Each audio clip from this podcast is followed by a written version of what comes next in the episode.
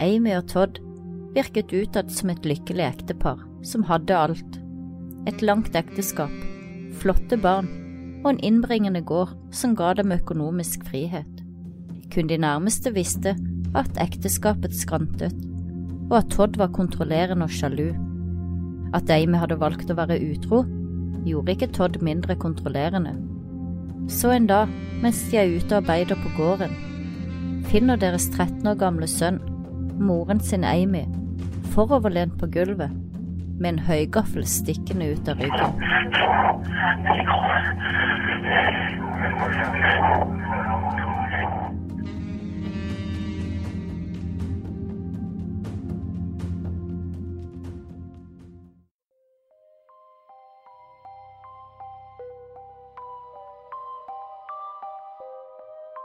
Sett deg godt til rette med noe godt i kroppen, og bli med inn i vår mystiske, grufulle og forunderlige verden.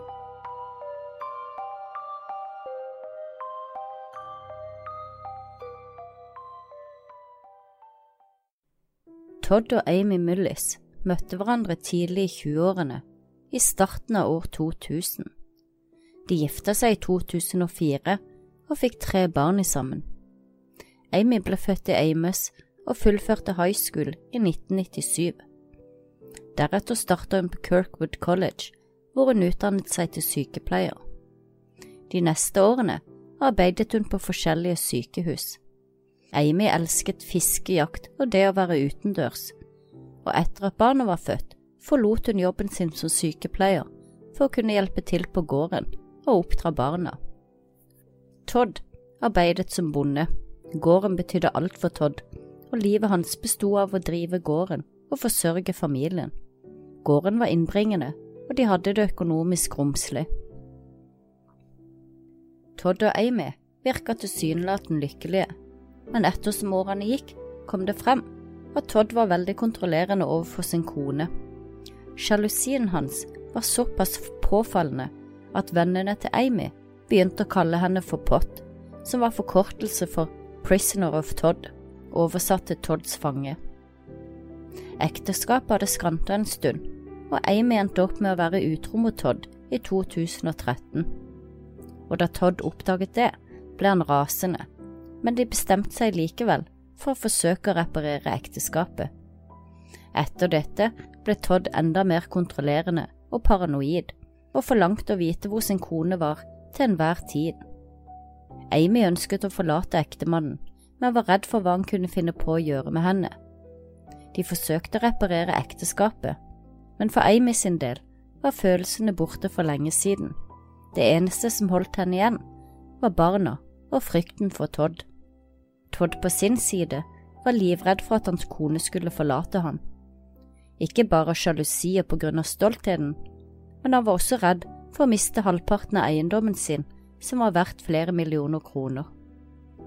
I 2018 begynte Amy å flørte med en mann som drev med tømmerarbeid i nærheten av farmen deres.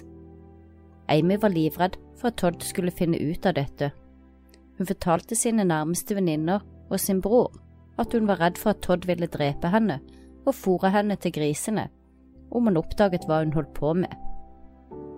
Todd hadde nettopp kjøpt en ny tomt, og Amy fortalte til sin bror i august 2018 at hun planla å forlate og skille seg fra Todd så fort årets avling var høstet, og at hvis hun plutselig forsvant, så måtte de lete på den nye tomta hans etter levningene hennes.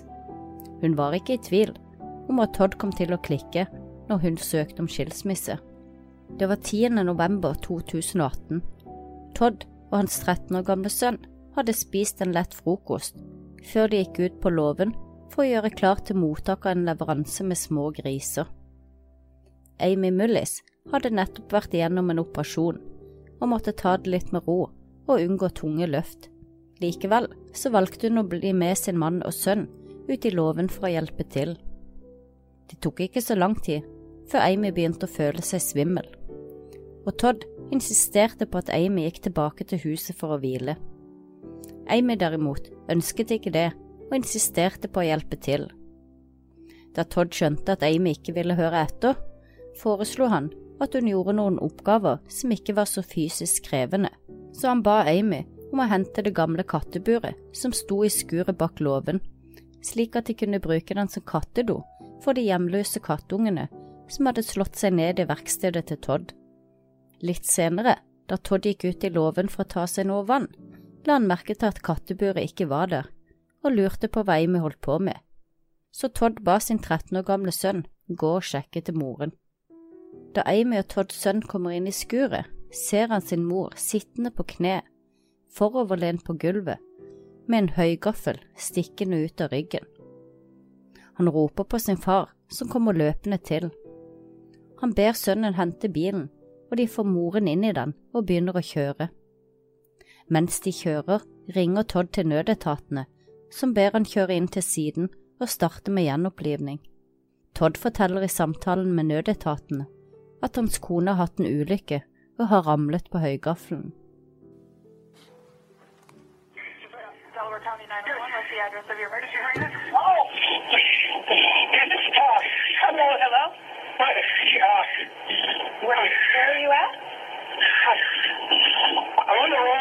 Of breath. Okay. My, What what's going on, my, my wife, my, what the hell, she got a old pork sitting in the barn. Okay, you're headed to the hospital and she's in your vehicle? Yes, my white truck. Okay, just a second here. Is she, is she, is she, And there's no pulse. she there, there's no call. Please just get on this phone for me. Just a second, I'm gonna have another, I'm gonna have another dispatcher get on. Um, I'm gonna ask you to pause, it. can you pull over? I can. Okay, how about you pull over? Sir, sir, what are, what's your current, what's your current location and we'll get an ambulance headed your way? Uh, all right. Uh,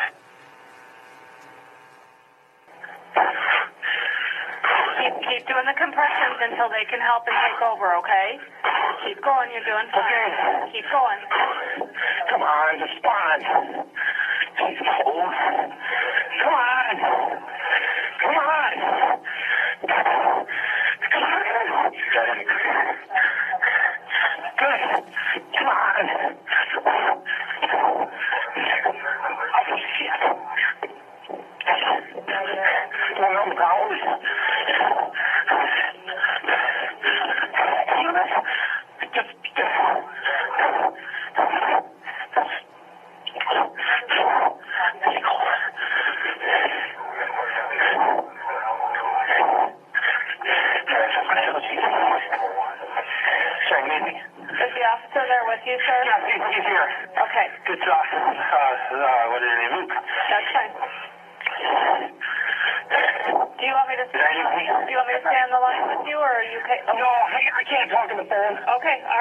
Son's right here. I gotta. Okay, all right. Okay. Politi og ambulanse kom raskt til stedet og tok over gjenopplivningen mens de kjørte henne til sykehuset. Politiet gikk raskt i gang med etterforskningen, og da Amy ble sendt til obduksjon, tok det ikke legene lang tid å se at Amy umulig kunne ha ramlet på høygaffelen. De kunne konstatere at den hadde blitt stukket inn i ryggen hennes to eller tre ganger. Høygaffelen har bare fire tagger, og Amy hadde seks hull i ryggen etter gaffelen. Todd ble raskt politiets hovedmistenkt. Han hadde motiv og ingen god forklaring på hvorfor eller hvem som kunne ha gått inn i skuret og ha drept Amy uten å bli oppdaget av ham eller sønnen. Todd fortalte politiet at han og Amy hadde et godt og lykkelig ekteskap, men snart kom familie, venner og elskere fram. Og fortalte hvor redd Amy hadde vært for Todd, og at hun planla å forlate ham, og deres versjon var helt motsatt av den Todd hadde fortalt. Under rettssaken så hevdet Todd sin advokat at Amy måtte ha kommet over noen fremmede som var i skuret for å stjele, og at det var denne personen som hadde stukket høygaffelen i ryggen på Amy mens Todd arbeidet på låven, og ifølge obduksjonen ikke bare én gang, men to eller tre ganger. Men aktor i saken var av en annen oppfatning. Flere vitner kunne fortelle om Todds kontrollerende oppførsel og ekstreme sjalusi. Jerry Frazier vitnet også i retten og forklarte at han og Amy hadde en affære da hun ble drept, og at hun var redd for sin mann Todd. Hun hadde fortalt Jerry at hun var ulykkelig sammen med Todd, og at hun ønsket å skille seg. Hun hadde også fortalt at hun var redd for hvordan han ville reagere, og hva han kunne finne på å gjøre. Jerry var selv gift på dette tidspunktet, men han og Amy hadde snakket litt om at de så for seg en fremtid sammen. Jerry hadde arbeidet for Todd og Amy i over syv år, og Todd oppdaget at Jerry og Amy hadde sendt mange tekstmeldinger seg imellom, og hadde derfor konfrontert Jerry samt ringt hans kone. Noen dager senere hadde Todd beklaget reaksjonen sin, og kort tid senere så var Amy død. And how long had you been doing business with the Mullis farm? Mm, About seven years, probably. And who did you communicate with regarding the business side of the, the hog barns? Usually Todd, sometimes Amy, but usually Todd. Now, at some point, did your relationship with Amy change from a business uh, from a business relationship to some other type of relationship? Yes. And when was that? Roughly the first part of June, into May, 1st of June. And would that be in the year 2018? Yes. And what what kind of relationship did you and Amy start then? Had a physical relationship. And how would you and Amy communicate at that time? Text message. How often would you and Amy meet for this physical relationship? It just depended. I mean, it was everything was very short. It was maybe once a week, maybe Speak into the microphone. maybe more depending on just how it worked out. And you indicated that you would communicate by way of text message Yes. primarily. And this was a sexual relationship, correct? Yes. And would you and Amy at times talk also about your relationship when you were together? Now say that again. Would you and Amy talk about your relationship If you mean by text message, by text message or in person? not really. Did you talk about your future with Amy? A little bit, yes. And initially, when you first started seeing Amy, what kind of things would you talk about in the future? Talked about there was a chance we could end up together. At the time that this was happening, um, that, that you had started this relationship with Amy, were you married? Yes. And Amy was married as well. Yes. What, if anything, did Amy tell you about her relationship with Todd when you would be with her? She really didn't say much. We didn't talk about relationships much, other than I know she wasn't happy. Did she tell you how Todd treated her? She made different notes, or uh, not notes, but said she was felt like a slave or a um, hostage around there. Now, did Amy ever tell you whether or not she was planning on leaving Todd? Uh, she said she was wanting to. Did you and Amy ever have any conversations about what Todd would do if he found out she was having an affair? One time, she did say that if he ever found out, she would disappear.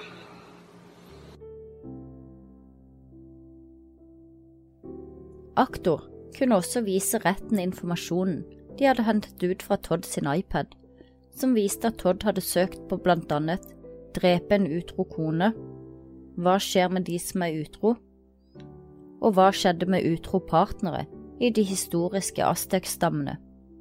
Aktor mente dette var et tydelig bevis på at Todd hadde planlagt å drepe Amy en stund. Motivet var sjalusi og frykt for at hun skulle skille seg og få halvparten av verdiene hans. Todd derimot prøvde å legge skylden for søkehistorikken over på sin sønn og kone, og sa under vitnemålet at også de brukte iPaden hans. Todd og Amy sin sønn vitnet også i retten. Han fortalte i første avhør at han hadde forlatt sin far alene på kontoret for å hente seg noe å drikke, og at han ikke hadde vært borte lenger enn ett minutt og 40 sekunder. Under rettssaken fortalte sønnen at han ikke kunne si sikkert hvor lenge faren hadde vært alene. De hadde arbeidet sammen på låven i halvannen time, og på et eller annet tidspunkt så mistet han faren av syne. Han hadde heller ingen klokke eller telefon på seg under arbeidet. Aktor mente at det var i dette tidsrommet at Todd hadde gått inn i skuret for å drepe sin kone.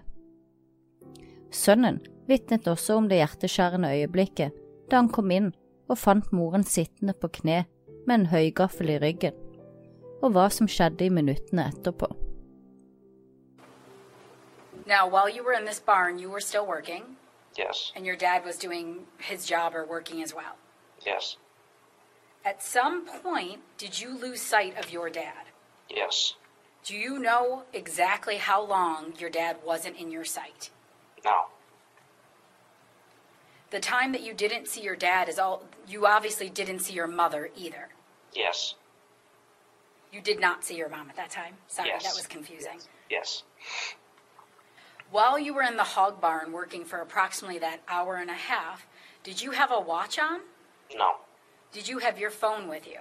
No. Was there a clock um, inside the hog barn that you were looking at the time? No.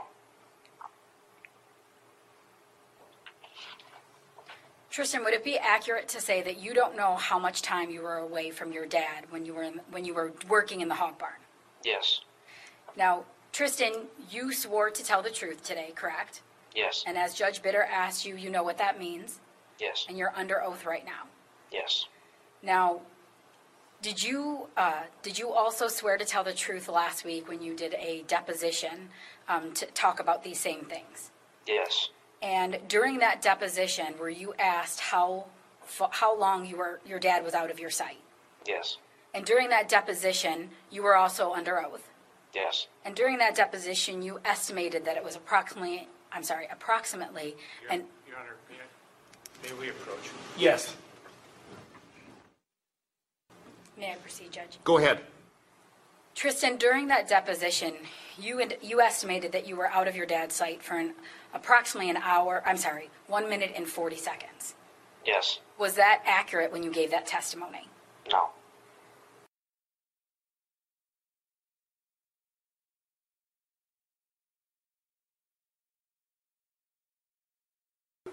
Did you then walk to the red shed or red barn?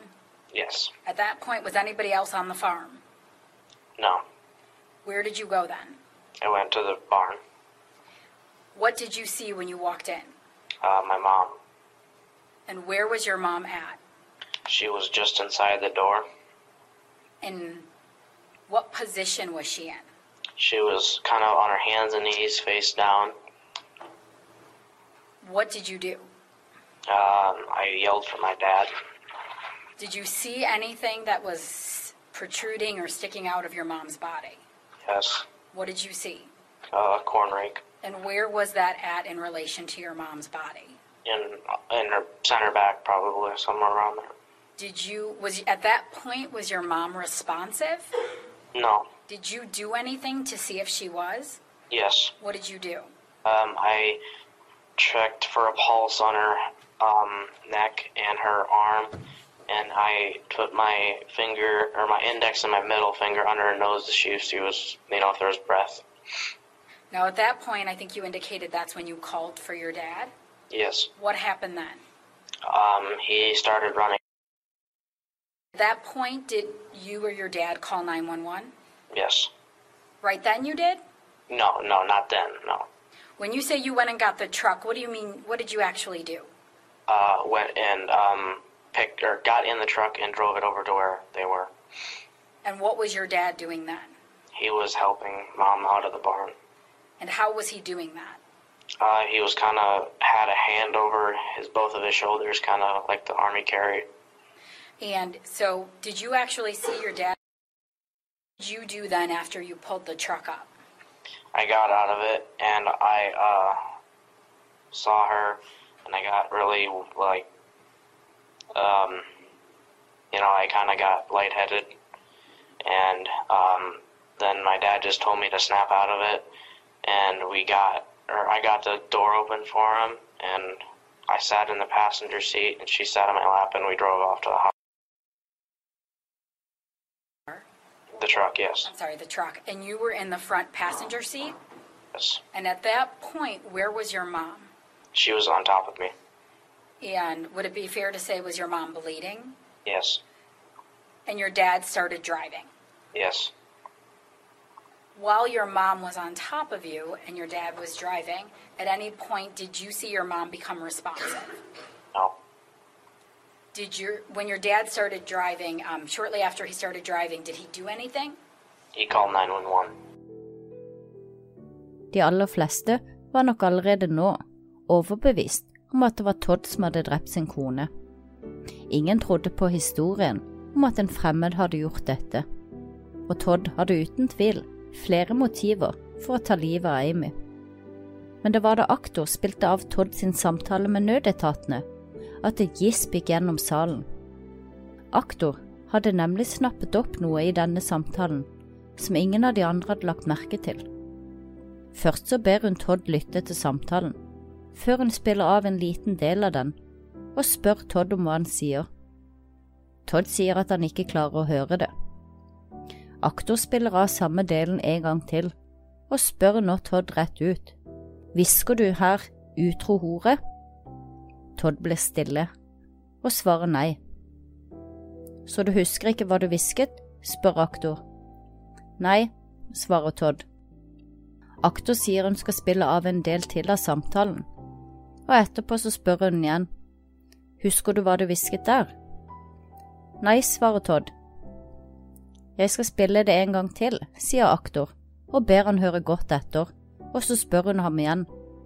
Sier du her, dra til helvete, utro hore. Men Todd fortsetter å benekte at han sa det, og sier han ikke klarer å høre hva han sier. Okay. Uh, Your Honor, at this time, can I publish um, a, a clip of the 911 tape? Yes, go ahead. And just for the record, Judge, this is State's Exhibit Number Two.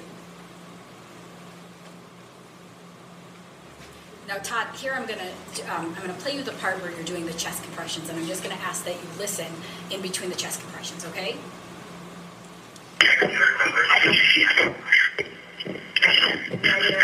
Now,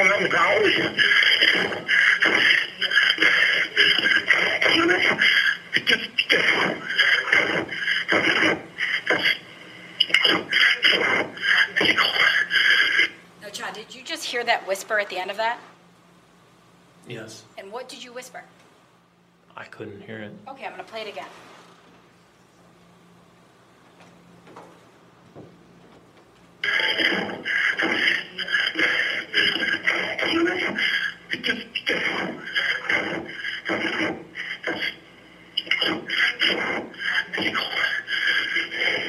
Todd, do you whisper cheating whore right there?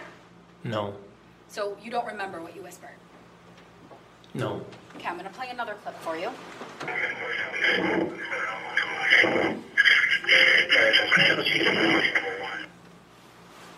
Do, do you know what you whispered there? No. Did you hear that? So I'm going to play that part one more time. The first clip is 653 of that second tape, and this second one is right at 7, um, I'm sorry, 0700. Just try to listen really closely. I just want to know if you remember what you said.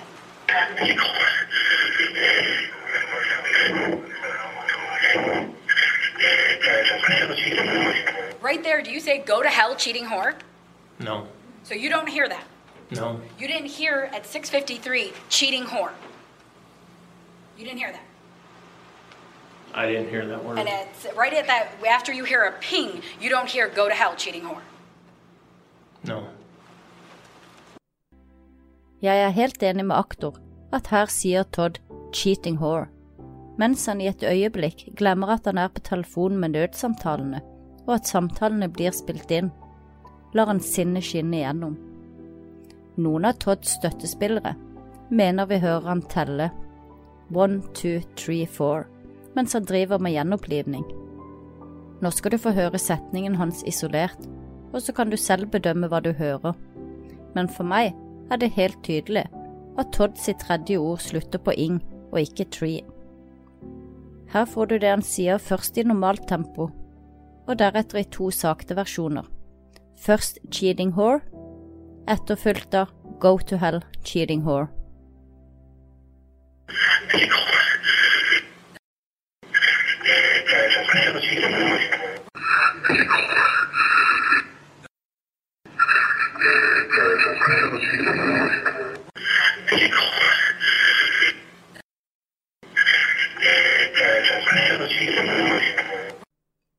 Etter en lang rettssak med mange vitner og bevis, trakk juryen seg tilbake, og da de etter en stund kom ut igjen, var de enstemmige i sin dom. Todd Mullis ble funnet skyldig i overlagt drap på sin kone, Amy Mullis. Okay, for the record, we are back in the courtroom. The defendant is personally present. All of the attorneys are present. The jury has now joined us. I am informed that the jury has reached a verdict. Would the foreperson please hand the verdict to the court attendant? We, the jury, find the defendant, Todd Michael Mullis, guilty of the crime of murder in the first degree, signed by the jury foreperson. Det slutter aldri å fascinere meg at noen mennesker velger å ødelegge så mange menneskers liv, inkludert sitt eget, fordi de ikke klarer å styre følelsene og sinnet sitt og tar slike dramatiske valg. Jeg tror nødsamtalen til Todd var et godt bevis på hvor sint han var på Amy. Stoltheten var såret, han følte seg ydmyket, usikker og uelsket, og der og da var alt han klarte å tenke på, hvor mye han hatet henne og ønsket henne død. Så mye at han helt glemte menneskene rundt seg, og dermed røpte seg selv i det han kaller sin døende kone en utro hore og ber henne dra til helvete. Den 17. desember i år vil Todd få sin straff, og han må nok belage seg på å tilbringe resten av livet sitt bak fengselets mørke murer.